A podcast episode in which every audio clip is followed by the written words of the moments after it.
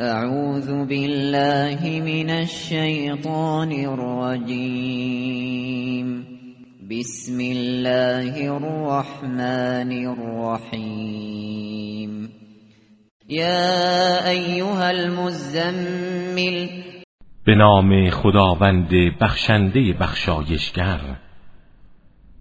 ای جام به خود پیچیده. قم اللیل الا قلیلا شب را جز کمی بپاخیز نصفه او انقص منه قلیلا. نیمی از شب را یا کمی از آن کم کن. او زد علیه ورتل القرآن ترتیلا. یا بر نصف آن بیفزا و قرآن را با دقت و تأمل بخوان. اینا سنلقی علیک قولا ثقیلا. چرا که ما به زودی سخنی سنگین به تو القا خواهیم کرد.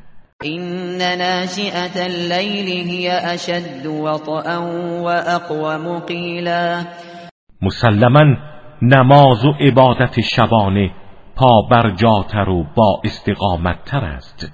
این لك فی النهار سبحا طویلا و تو در روز تلاش مستمر و طولانی خواهی داشت.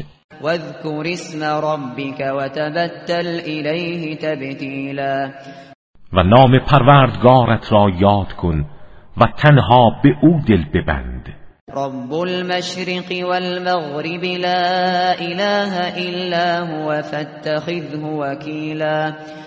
همان پروردگار شرق و غرب که معبودی جز او نیست. او را نگاهبان و وکیل خود انتخاب کن. واصبر على ما يقولون واهجرهم هجرا جمیلا و در برابر آنچه دشمنان می‌گویند شکیبا باش و به طرزی شایسته از آنان دوری گزین. وذرني والمكذبين أولي النعمة ومهلهم قلیلا.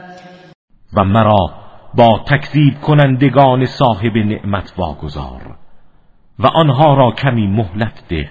این لدینا انکالا و جحیما که نزد ما قل و زنجیرها و دوزخ است. و طعاما ذا غصة و عذابا الیما و غذایی گلوگیر و عذابی دردناک. یوم ترجف الارض والجبال وكانت الجبال كثيبا مهیلا در آن روز که زمین و کوه ها سخت به لرزه در می آید و کوه ها چنان در هم کوبیده می شود که به شکل توده هایی از شن نرم در می آید. اینا ارسلنا الیکم رسولا شاهدا علیکم کما كما ارسلنا الى فرعون رسولا. ما پیامبری به سوی شما فرستادیم که گواه بر شماست. همان گونه که به سوی فرعون رسولی فرستادیم. فعصا فرعون الرسول فأخذناه اخذا وبیلا ولی فرعون به مخالفت و نافرمانی آن رسول برخاست و ما او را سخت مجازات کردیم. فكيف تتقون إن كفرتم يوما يوما يجعل الولدان شیبا. شما نیز اگر کافر شوید چگونه خود را از عذاب الهی برکنار می‌دارید؟ در آن روز که کودکان را پیر می کند السماء منفطر به كان وعده مفعولا. و آسمان از هم شکافته می شود و وعده او شدنی و حتمی است. این هذه تذکره فمن شاء اتخذ الى ربه سبیلا این هشدار و تذکری است. پس هر کس بخواهد راهی به سوی پروردگارش برمیگزیند. إن ربك يعلم أنك تقوم أدنى من ثلثي الليل ونصفه ونصفه وثلثه وطائفة من الذين معك والله يقدر الليل والنهار. علم أن لن تحصوه فتاب عليكم فاقرؤوا ما تيسر من القرآن. علم أن سيكون منكم مرضى وآخرون.